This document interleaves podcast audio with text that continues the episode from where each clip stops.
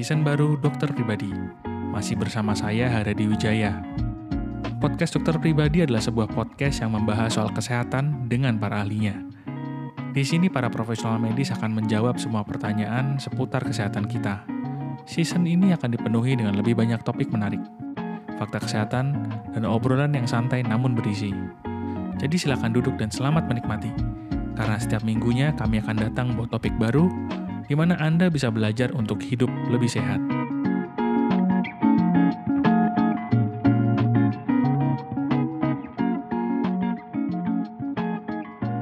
Kita juga udah join bareng sama tidak ditemani oleh Dr. Ronald Jonathan nih. Selamat malam dok, gimana kabarnya nih? Halo di, kabar baik. Gimana di? Kabar Semarang dengan COVID-nya, ya. Bandung juga dengan COVID-nya. Iya ini ini Jawa Tengah dan Semarang masih masih tiba-tiba beberapa minggu ini membalap ya dok ya. Ini dengan dengan masih dengan COVID-nya ini. Nah tapi di hari ini kita ini dok kita mau ngobrolnya agak berbeda nih. Kita beberapa hari ini di apa namanya di sibukkan dengan berita mengenai vaksin COVID, Dokter Ronald. Betul, betul. Nah, vaksin COVID. Nah, kita tuh jadi kepikiran HIV itu kok kita belum pernah dengar vaksinnya gitu. Nah, makanya lebih lanjutnya kita pengen pengen ngobrol sama Dokter Ronald Jonathan nih. Nah, mungkin buat teman-teman nanti yang nonton video ini juga ya kemudian ini juga bakal nanti ada di podcast kita, Dok. Perkenalan sedikit dong sama Dokter Ronald Jonathan. Ya, oke. Halo semua, saya Dr. Ronald, saya dari Bandung. Uh, saya termasuk dokter yang peduli HIV. Saya juga trainer nasional untuk uh, masalah uh, HIV untuk dokter dan perawat sejak 2004. Saya juga menangani sebagai uh, dokter yang uh, aktif menangani kasus-kasus HIV dan juga melakukan konseling begitu. Nah, ini ya. Dokter Ronald ini pengalaman banget nih di di dunia ya bekerja sama lah ya dok ya dengan teman-teman medis, teman-teman dokter untuk untuk membantu teman-teman betul saudara ya kita. kita kalau kakak seperti ini kan sifatnya network ya nah sebenarnya gini dok ketika ketika kita ngomong HIV kita ngomong AIDS itu kan uh, yang jadi sorotan ini kan ini kan virus juga kan ya sebenarnya kalau AIDS itu ya betul betul AIDS juga nah, dan dan sudah cukup lama ya dok. Ditemukan sebenarnya kapan sih dok kalau kalau HIV ini sebenarnya? Uh, sekitar delapan delapan puluhan lah. Delapan ya, puluhan ya. tahun delapan puluhan ya. Sudah tiga puluh tahun lebih. Iya delapan puluh. Betul, sudah tiga puluh tahun lebih. Ya betul. Oh, tiga puluh tahun cukup cukup lama sebenarnya. Nah, kalau betul. bisa dibilang gini, ketika sudah cukup lama itu yang jadi pertanyaan ini ini karena di dokter pribadi ini kan yang awam tuh cuma saya di luar teman-teman dokter yang lain. Nah, hmm. saya tuh jadi kemarin tuh punya pertanyaan gini dok, uh, si COVID ini kok cepet banget ya vaksinnya setahun nggak sampai setahun bahkan sudah sudah muncul yang sudah sudah istilahnya udah kandidat untuk untuk bisa dipakai hmm. secara massal. Nah, tapi ketika kemarin teringat soal hari uh, hari, hmm. hari HIV AIDS sedunia ini kok sampai hari ini HIV ini belum ada vaksinnya sampai sekarang. Kenapa sebenarnya dok?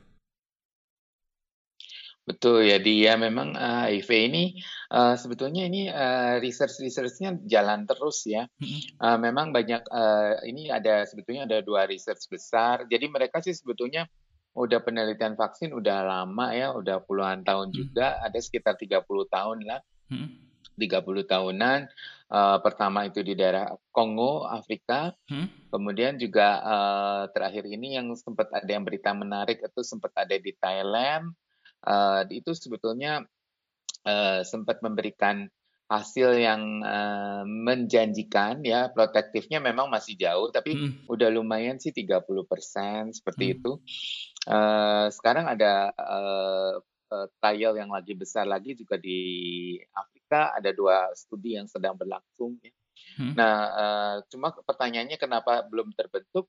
Memang ya kelihatannya ini adalah uh, varian dari dari uh, HIV itu sangat-sangat luas. Uh, hmm. Maksudnya banyak ya hmm. diverse hmm. seperti itu.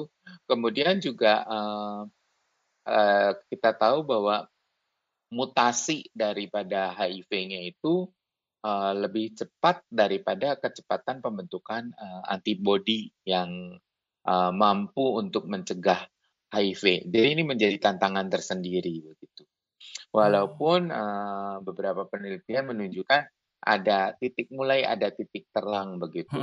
Tapi memang uh, kelihatannya mutasinya itu uh, lebih dahsyat dibandingkan dengan uh, mutasi pada COVID-19 begitu.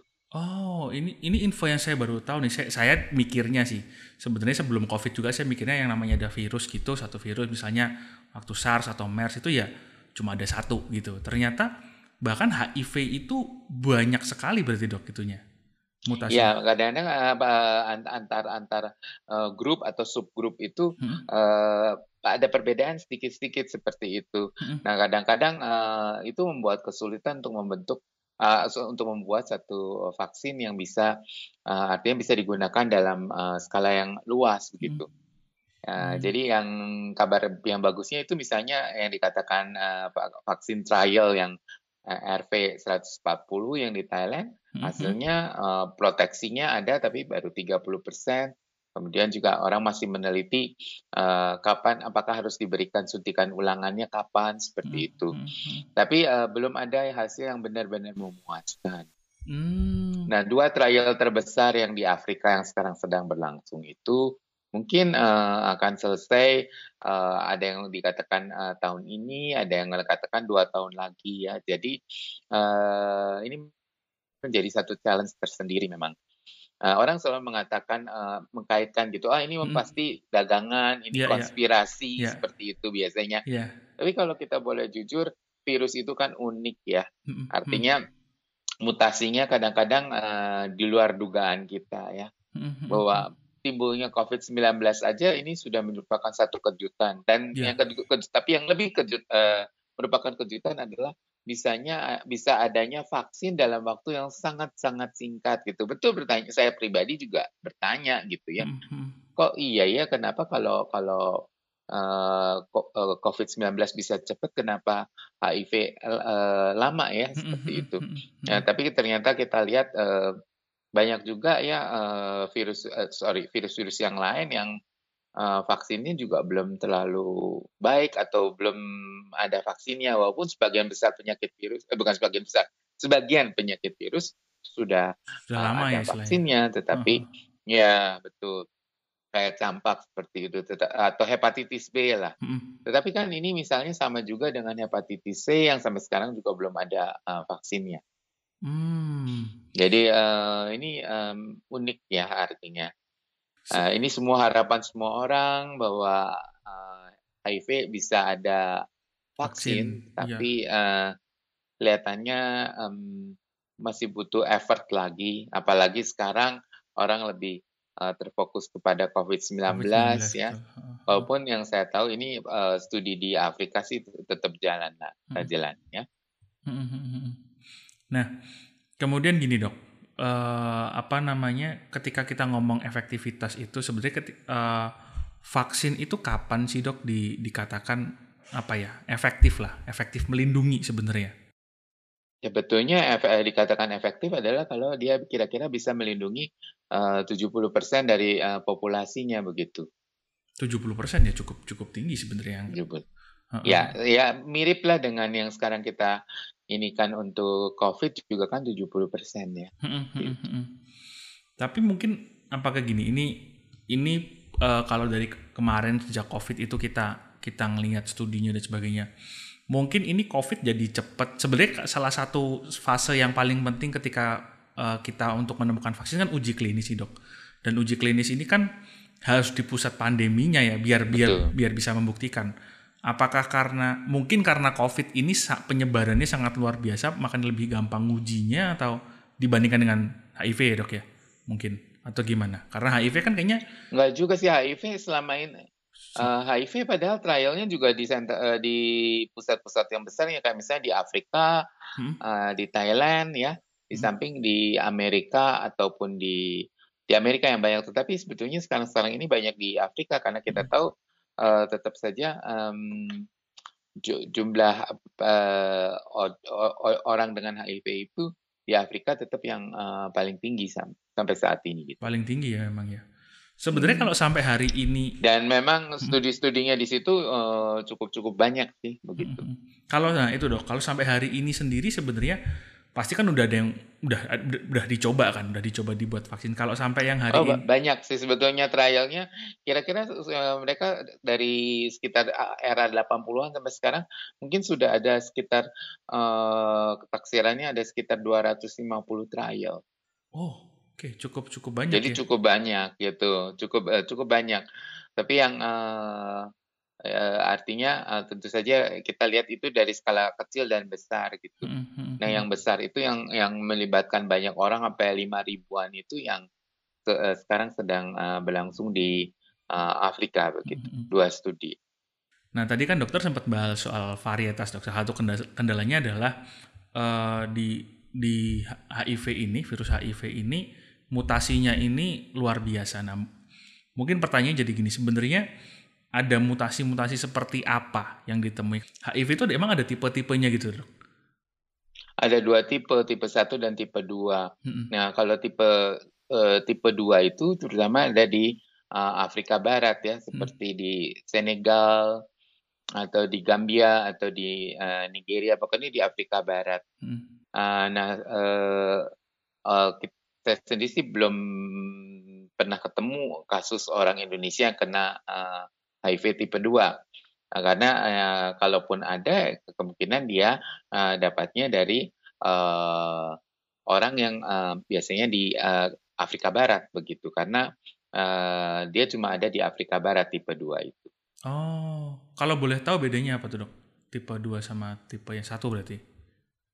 Uh, tipe 2 biasanya gejalanya nggak nggak seberat di tipe 1 sih seperti itu. Oh, gitu. Kalau di Indonesia sendiri pernah nggak ada ada clinical trial untuk vaksin HIV di Indonesia? Setahu saya belum. belum. Kalau untuk Asia Tenggara memang uh, andalannya sih Thailand ya. Thailand. Karena ya. dia memang uh, secara infrastrukturnya juga uh, lebih uh, established ke, ke dibanding kita begitu ya. Hmm, hmm, hmm, Itu berarti kalau memang belum pernah ada lah per, percobaan vaksin HIV untuk di Indonesia seperti itu. Belum, nah, belum sebenarnya kalau gitu jadi pertanyaannya gini dok. Uh, vaksin ini kan fungsinya kan untuk pencegahan sebenarnya, untuk melindungi. Betul, betul. Nah, betul. Ka kalau nih, kalau nantinya vaksin HIV ini kemudian ada akhirnya ditemukan, kita kita kan berandai hmm. pengennya ke sana kan dok ya. Berandai-andai. Berandai-andainya kan seperti itu. Nah, hmm. vaksin HIV ini nantinya itu harusnya bakal harus diberikan kepada siapa dong? Pertanyaannya. Karena kan kalau kita lihat sekarang uh, HIV sendiri itu kenanya istilah yang terkena ya kalau menurut menurut pandangan saya ini masih di komunitas yang terbatas sekali seperti itu. Nah, kalau nanti vaksinnya ada ini bakal dikasih ke siapa, Dok? Kalau gitu. Kalau saya melihatnya sih kalau memungkinkan memang uh, untuk mereka-mereka yang belum seksually aktif. Oh. Karena kalau lihat gini uh, harapannya sih nanti mirip dengan uh, human papilloma virus ya, mm-hmm. yang uh, sangat ideal kalau diberikan ketika uh, seseorang itu uh, belum uh, melakukan hubungan seksual. Misalnya mm-hmm. kalau untuk HPV itu human papilloma virus kan uh, ideal untuk diberikan ke misalnya anak-anak perempuan mulai dari usia 10 sampai 25 tahun begitu. Mm-hmm. Uh, sekarang di Amerika juga uh, sekarang ya udah beberapa tahun ini di Amerika misalnya anak laki-laki juga udah mulai dikasih seperti itu.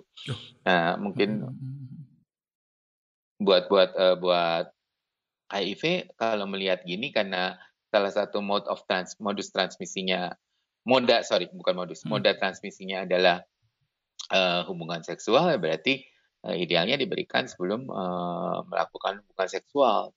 Hmm. Artinya uh, Tapi bukan berarti itu kita menutup uh, kemungkinan uh, bahwa diberikan untuk mereka yang sudah uh, sexually aktif juga nggak jadi masalah sih seperti itu. Yeah, yeah. ya ini kan tergantung nanti trialnya gimana kalau kita mau prevent kan berarti sebelum melakukan aktivitasnya kan. Ya, ya, ya, ya, ya. Berarti kan istilahnya benar tadi dapat kita dapat itunya kalau sekarang kita udah punya uh, eh, HPV nanti HIV mungkin berarti arahnya mirip-mirip ke sana berarti sebenarnya. Mirip gitu ya karena kan uh, sama-sama ditularkan lewat uh, hubungan seksual. ya.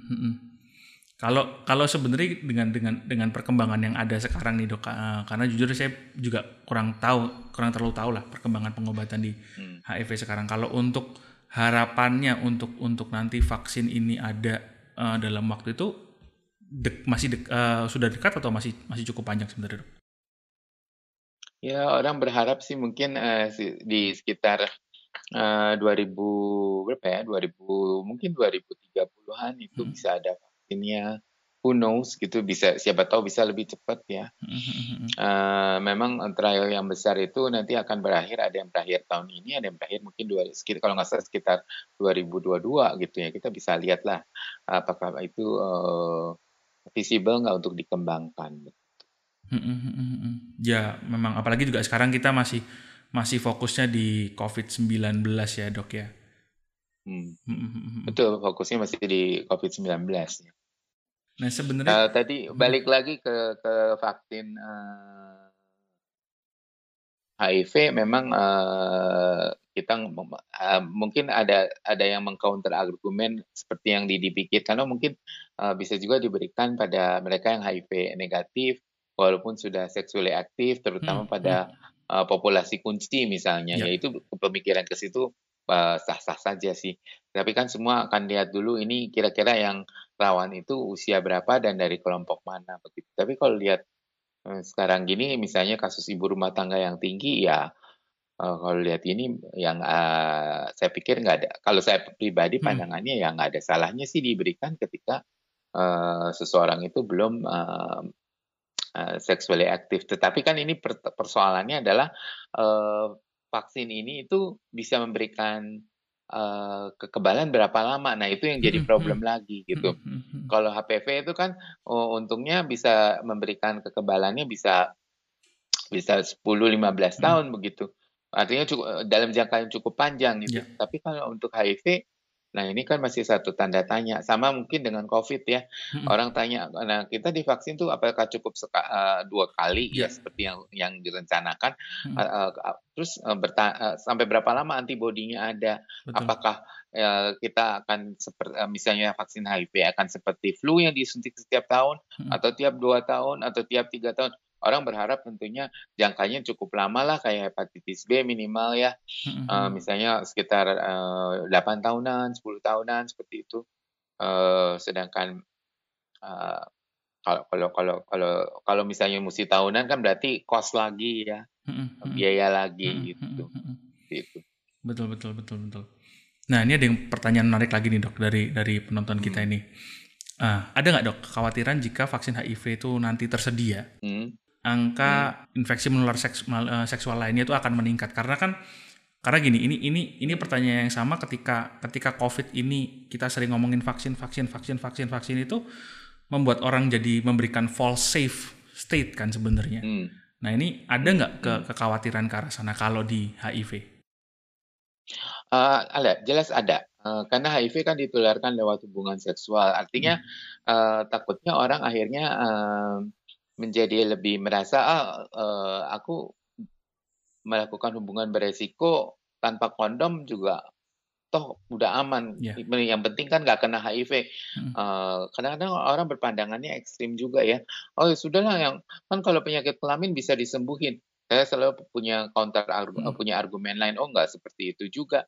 Hmm. Kalau kamu kena uh, misalnya hepatitis B kronis, walaupun uh, artinya ya sekarang uh, hepatitis B memang sudah ada vaksinnya, yeah. tetapi kan eh, kadang orang nggak nggak nggak semua orang memeriksakan antibodinya biasa paling masih uh, divaksin pas lagi bayi gitu. Udah gitu jarang yang ingat untuk booster atau periksa lagi ketika remaja atau dewasa lah katakan.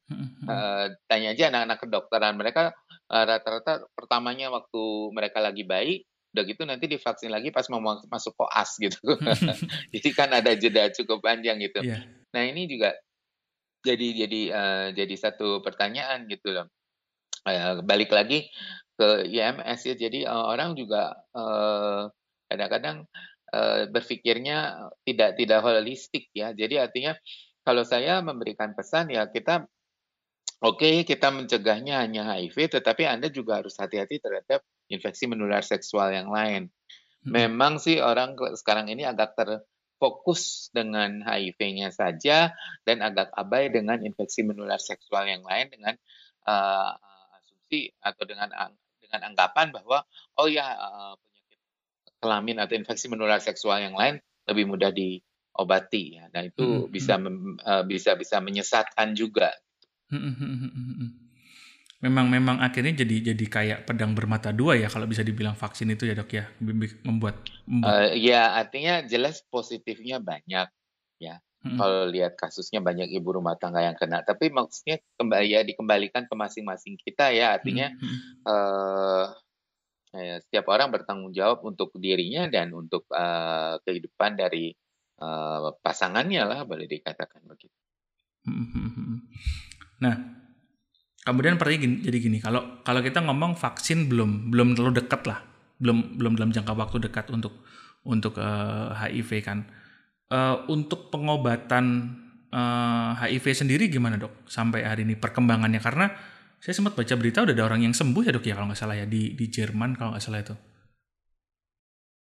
Oh itu yang yang yang kasus yang sembuh itu karena uh, ada transplantasi sumsum -sum tulang, tetapi karena uh, uh, ODIF-nya orang dengan HIV-nya itu yang satu uh, mengalami kanker, yang satu kalau nggak salah kanker kelenjar getah bening, yang satu leukemia. Jadi tujuan transplantasinya adalah untuk uh, kanker uh, untuk leukemia atau kanker uh, limfoma ya atau kanker ke, uh, kelenjar getah beningnya. Jadi bukan untuk HIV-nya langsung.